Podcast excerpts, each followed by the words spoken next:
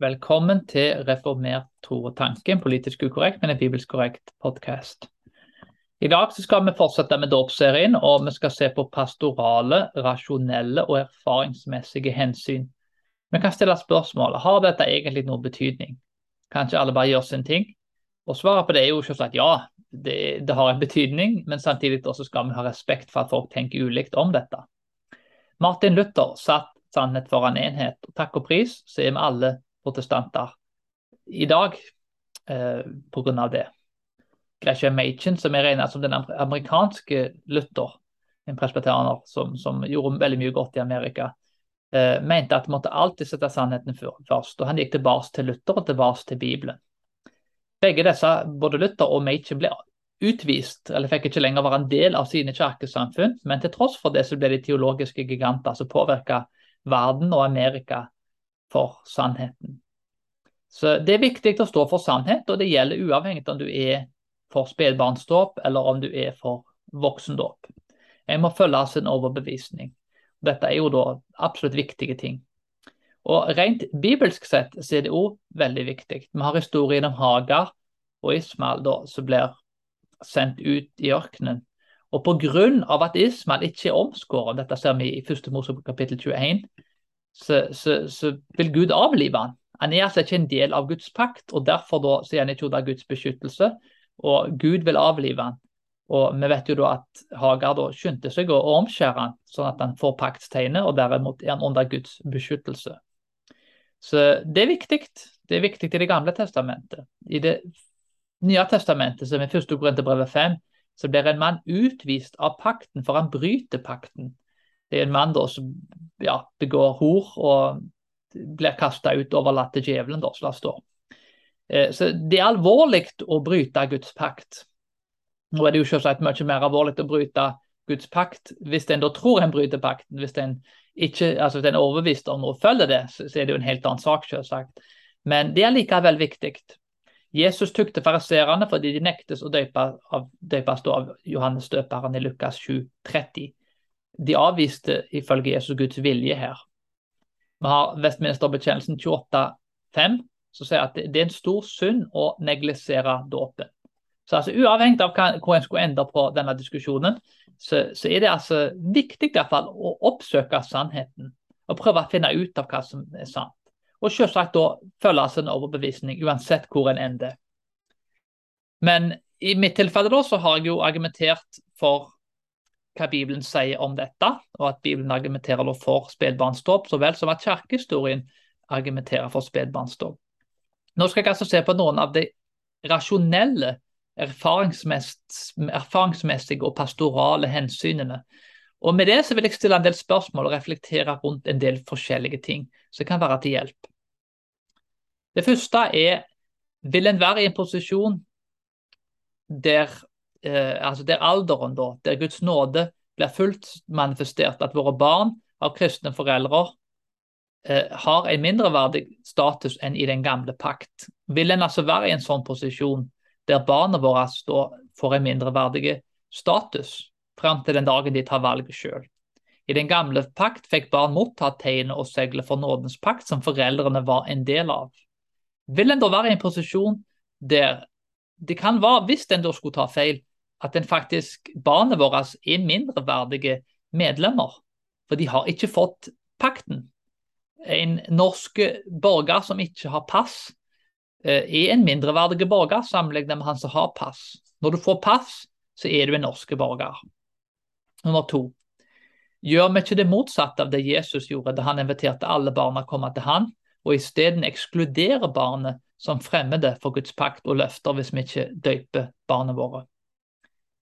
Hvis Jesus og alle barn kommer til meg, hvorfor skal en ikke gi da tegnet som viser at de tilhører Jesus? Det blir litt som å si du er norsk, du kan bo her i 30 år, men du kommer aldri til å få et norsk pass. Eh, hvis du tilhører det norske riket, så bør du også få pass og bevise som viser at du tilhører Guds rike. Hvorfor er det annerledes med Guds rike? Nummer tre. Vil jeg være i en posisjon der jeg potensielt kaster tvil på Guds løfter, og det å være der Gud er, og holde løftene med hensyn da til paktens løfte med barnet. Vil en da kaste tvil på disse tingene? Nummer fire. Vil jeg være i en posisjon der jeg begrenser viktigheten av dåp til en persons bekjennelse, og derfor minimiserer den overnaturlige karakteren der ritualene handlinger er der Gud handler og er involvert. Nummer fem. Vil jeg ta bort muligheten for mitt barn å forbedre dåpen gjennom de tidligere årene i livene deres, der de da har mottatt tegnet? En ting som er sentralt, her, at en, en forbedrer faktisk dåpen sin etter en er blitt døpt gjennom hele livet. Nummer seks. Vil jeg behandle mitt barn som en ikke fullverdt medlem, da, som en slags kristen hedning, når Kristus sier at Guds rike tilhører deg? Nummer sju. Hvis Guds rike tilhører våre barn, og pakten tilhører barn, hvorfor får de ikke, takt, sorry, hvorfor får de ikke da tegnet, altså det ytre tegnet, for å bli med i pakten? Det var en som sa i Amerika en ting som virkelig Dette sa han faktisk mens jeg var baptist, men han sa noe på engelsk da, som var det som forandra meningen hans. En av tingene der var the physicality of covenant, altså den fysiske delen av en pakt. Du kan ikke være en del av Guds pakt uten at du da får et fysisk tegn som viser at du er en del av pakten. Det er noe fysisk over pakten. En kan ikke bare si det at en er en del av Guds pakt. En må faktisk ta del i det som er fysisk. Det blir litt som å kjøpe et hus uten å få kontrakten. Ja, huset er mitt, men jeg vil ikke skrive under noen kontrakt. Vi må ha det fysiske dokumentet for å vise at vi faktisk har kjøpt huset. Hvis ikke så kan de si at det var du, du, din mening at du kjøpte huset, du har egentlig ikke kjøpt det. Vi har kontrakter av en grunn. Og vi har ytre tegn av en grunn, hvis vi tilhører ting. Nummer åtte. Vil jeg ta bort barnas velsignelse av Guds pakt og tegn, til tross for at alle bibelske advarsler eh, er da at et barn vil være ute av Guds pakt og rike. Det er ingenting som tilsier at et barn er en del av Guds pakt hvis de ikke får paktets tegn i Bibelen. Nummer ni. Den nye pakt inkluderer hedninger, altså kristne da, som var tidligere hedninger, kvinner så vel som kvinner i dåpen. Dette var jo da ikke tilfellet på samme måten i Det gamle testamentet, til tross for det var jo selvsagt hedninger der også ble jøder. Den nye pakten er derimot mye mer inklusive og ikke mer eksklusive. Om barn ikke blir involvert i pakten, så er ikke dette sant. Det blir faktisk akkurat det motsatte. Det er den gamle pakten da som blir den mest inklusive, for det inkluderer barn mens den nye pakten blir mer eksklusive, for barn blir ikke inkludert. Hvis nåden til Gud er så store, hvorfor skal han ikke da motta de aller minste? Det er ikke noe større formidling av Guds nåde enn at de aller minste får ta del i den. Nummer ti. Kan en være med i Guds pakt uten å få tegnet til Guds pakt? Kan en norske statsborger være borger uten å ha pass? Det har jeg jo egentlig sagt allerede, men jeg tenkte å oppsummere det i et spørsmål. Mitt barn hadde en form for tro når hun var i alle fall to og et halvt år gammel. Kan hun døpes? Nå ble mitt barn døpt, åpenbart. Men eh, om et barns tro da er til etterfølge, så Jesus påpeker dette som en bra ting, hvorfor kan da ikke barnet, som, som igjen vi som voksne til og med skal imitere den enkle troen de har, hvorfor kan den ikke da få tegnet til å bli døpt? Hvis du da har ei oppriktig ekte tro. Et annet spørsmål blir med en handikappa person. Det er jo kanskje et unntak da, heller enn en regel. Så kanskje ikke det aller beste argumentet. Men en handikappa person som mentalt og kanskje ikke er i stand til å ta et ordentlig valg, det valget må jo tas da på vegne av familien. Nummer tre. En kan fortsatt ikke vite om en voksen vil fortsette i tro. Eh, ja, jeg kjenner folk som bl.a. har gått ifra ja, altså faktisk til, og med konvertert i jødedom. Som var oppriktig og forkynte evangeliet og andre ting. Så vi har sikkert hørt lignende historier alle.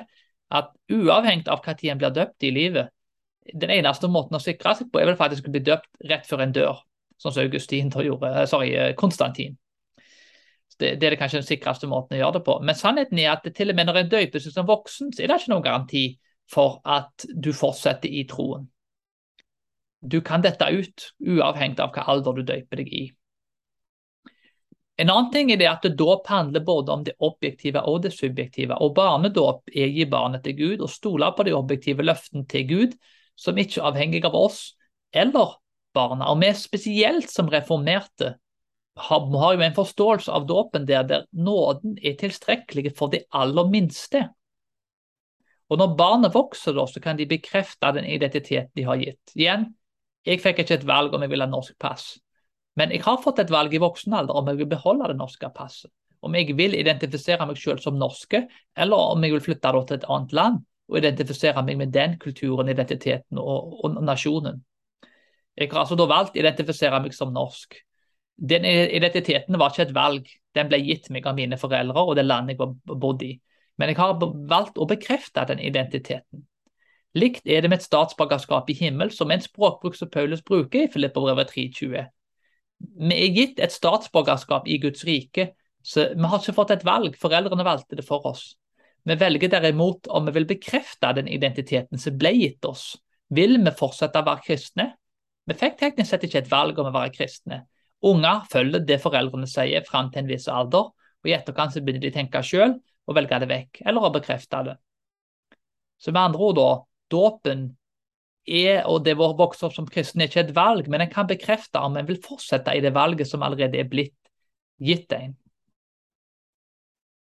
Og hvorfor skal en ikke da få det tegnet som viser da at en tilhører Guds rike, på samme måte som en får et pass? Nummer fem. Hvor i Bibelen står det at barn ikke skal inngås i pakt? Og hvor er dette abrogert og forandret? Det har vi gått gjennom før. Men hvis noe så radikalt og stort har forandret seg i Skriften, hvorfor er det sånn at vi ikke ser noen argumentasjon på at dette har forandret seg? En må nesten anta at det fortsetter videre som før. Bevisbyrden her ligger jo på den som mener at ting har forandret seg. Den vitenskapelige metoden vektlegger kritikk av teori og en bedre teori som erstatning som støttes av beviser. Den vitenskapelige eh, metoden fungerer faktisk sånn at en holder gjerne til dårlige teorier. Ikke fordi teoriene er perfekte og fordi de er gode, men fordi de er den beste forklaringen som er tilgjengelige. Hvis det er en bedre forklaring som er tilgjengelig, så ligger bevisbyrden på den personen som legger fram den forklaringen. Og det er faktisk opp til den som kommer med den nye forklaringen, å legge fram veldig klare og tydelige beviser på at her er det en ny måte å forstå det på som er bedre enn den gamle måten. Og så lenge den alternative forklaringen ikke finner plass, så, så, så holder en faktisk til og med til dårlige teorier. Og i dette tilfellet da, så, så var det ingen argumentasjon i Bibelen om at dette har forandret seg. Det er heller ikke noen argumentasjon i kirkehistorien i 1500 år at dette har forandret seg. Kan det da være at ting fortsatte som før? En annen ting som er verdt å nevne, er det at den reaksjonen mot dåp og et argument som jeg ofte har hørt, som jeg faktisk vil få lov til å si at jeg synes personlig er et godt argument for de som driver voksen dåpsargumentasjon den lutherske dåpen kanskje, og, altså Nå er det jo ei folkekirke, nå er det jo egentlig ikke så mye lutherske. Nå er det andre lutherske kirker som er mye mer bibelske, så, som utenfor folkekirken. Så, så, nå blander jeg ikke de oppi her. Men, men den eh, norske da, historiske forståelsen har jo ofte vært sånn at den er frelst i dåpen. Og en blir født inn i Det har ikke vært stor forskjell i Norges historie på å være luthersk og være norsk. Så den politiske og nasjonale identiteten har vært sterkt knyttet opp mot den kristne identiteten. Så det har jo på noen måter blitt sett på som en politisk dåp. Dette kommer jo helt ifra vikingkongene våre, når de eh, Olav den hellige og Horald Hardfagre og, og, og, mange av disse her eh, både samla si, og, og, og kristne landet. Eh, så Det er jo en mentalitet der, der at en, når en hogde av hodene på folk og tvang folk inn i troen, Eh, så, så, så, har nok det sittet litt igjen i kulturen at mange da har blitt eh, ja, de har blitt kristne, men de har kanskje ikke blitt kristne. Og mange baptister, inkludert meg selv når jeg var baptist, reagerte mot denne passive mentaliteten der en er en kulturkristen. En er kristen egentlig kun i kultur og verdier, men, men egentlig ikke i at hjertet har blitt forandra, at, at en elsker Gud. Og Den baptistiske forståelsen er jo mye bedre på å bevare den subjektive biten som òg er en del av frelsen. Det er en objektiv bit og en subjektiv bit. Det er ritualen, liturgi, og det er en objektiv tro, samtidig som en tro som er erfarest. Så det er både det objektive og det subjektive. Måten vi som presbyterianere har valgt å forsvare dette på, når det er ikke alle presbyterianere og ikke alle heller hos oss som er helt enige i dette, men historisk sett i fall, så kan jeg iallfall si da, at måten dette har blitt løst på, er at uh, unger blir døpt inn i troen. Det der er løfte om frelse i dåpen, og ikke da dåp i frelsen, sånn som lutheranerne mener. Og I tillegg til det da, så, så har vi en løsning på problemet i forhold til nattverd. Eh, historisk sett så har nattverden vært noe da som en deltar i kanskje rundt 9-11 års alder. og Når en er mer bevisst og klar da, og når en vet litt om hva troen går på. Da går en gjennom en, en undervisning, altså konfirmantundervisning lutherske kirka, de har noe lignende der. Eh, så det blir en slags da, communicants class, som vi kaller det. Og Det er jo en måte da egentlig å, å bekrefte det subjektive som baptistene ofte er med å påpeke. Så vi ser på den objektive biten da, at på vegne av foreldrene så døyper en barn. Det er den objektive biten. Men eh, da er det jo sånn at eh, når en da er kommet litt opp i alder, så tar en et valg sjøl om å følge Gud. Det valget blir tatt for en når en blir født, men senere så må det bekreftes subjektivt. Og en får da ta del i nattverden etter en har vist frukter som er omvendelsen verdige. Så Det er altså en måte som presbyterianerne har valgt å løse det problemet på, som både bekrefter det objektive og det subjektive. Til tross for da uh, Det er noen ulike meninger der. Men, men de siste 500 årene så har det vært en ganske eh, omtrent alle da, de, de, store teologene har holdt til den forståelsen. Så jeg vil våge påstå at det er en reformert og presbyteriansk forståelse. Iallfall en, en, en, en mainstream forståelse. Så det problemet blir altså løst, og det, folk har tenkt igjennom disse tingene. En annen ting å huske på er jo at eh, som presbyterianer så, så døyper jo vi både barn og voksne. Hvis noen i vår kirke ikke vil bli døpt før de er voksne, så er det selvsagt noe som vi vil jo at folk skal døpe barna sine, men det er noe de kan velge selv. Altså, det er i orden at folk da velger å døpe seg når de er voksne. Så vi døper altså både voksne og barn. Vi døper begge deler. Noen kommer jo til tro i voksen alder, og dermed da så er det jo helt naturlig å døpe voksne. De kirkene som jeg har vært en del av, har både døpt eh, voksne og barn. Altså voksne da som kommer i tro i voksen alder, men også kanskje noen da som, som rett og slett ikke vil at barnet skal bli Eh, døpt før de vokser til og blir litt eldre. Så, så en, en, praktiserer altså begge deler, til tross for at vi vil jo at alle skal døpe barna sine. Med tanke på at vi vil at Guds barn skal være en del av Guds pakt. Vi vil avslutte å si at i Lukas 1,50 så står det hans miskunn, nåde er fra slekt til slekt over den som frykter ham. Og hvis dette da ikke gjelder nådemiddelet så vel som nåden, så, så, mener jeg at det blir litt selvmotsigende. Og dette er altså fra slekt til slekt. Guds nåde strekker til både for den minste og for den største. Og jeg mener at det er både pastoralt, erfaringsmessig konsekvent med både Bibelen og kirkehistorien, så vel som og en, en, en veldig pastoral måte å gjøre det på, det å døpe spedbarn.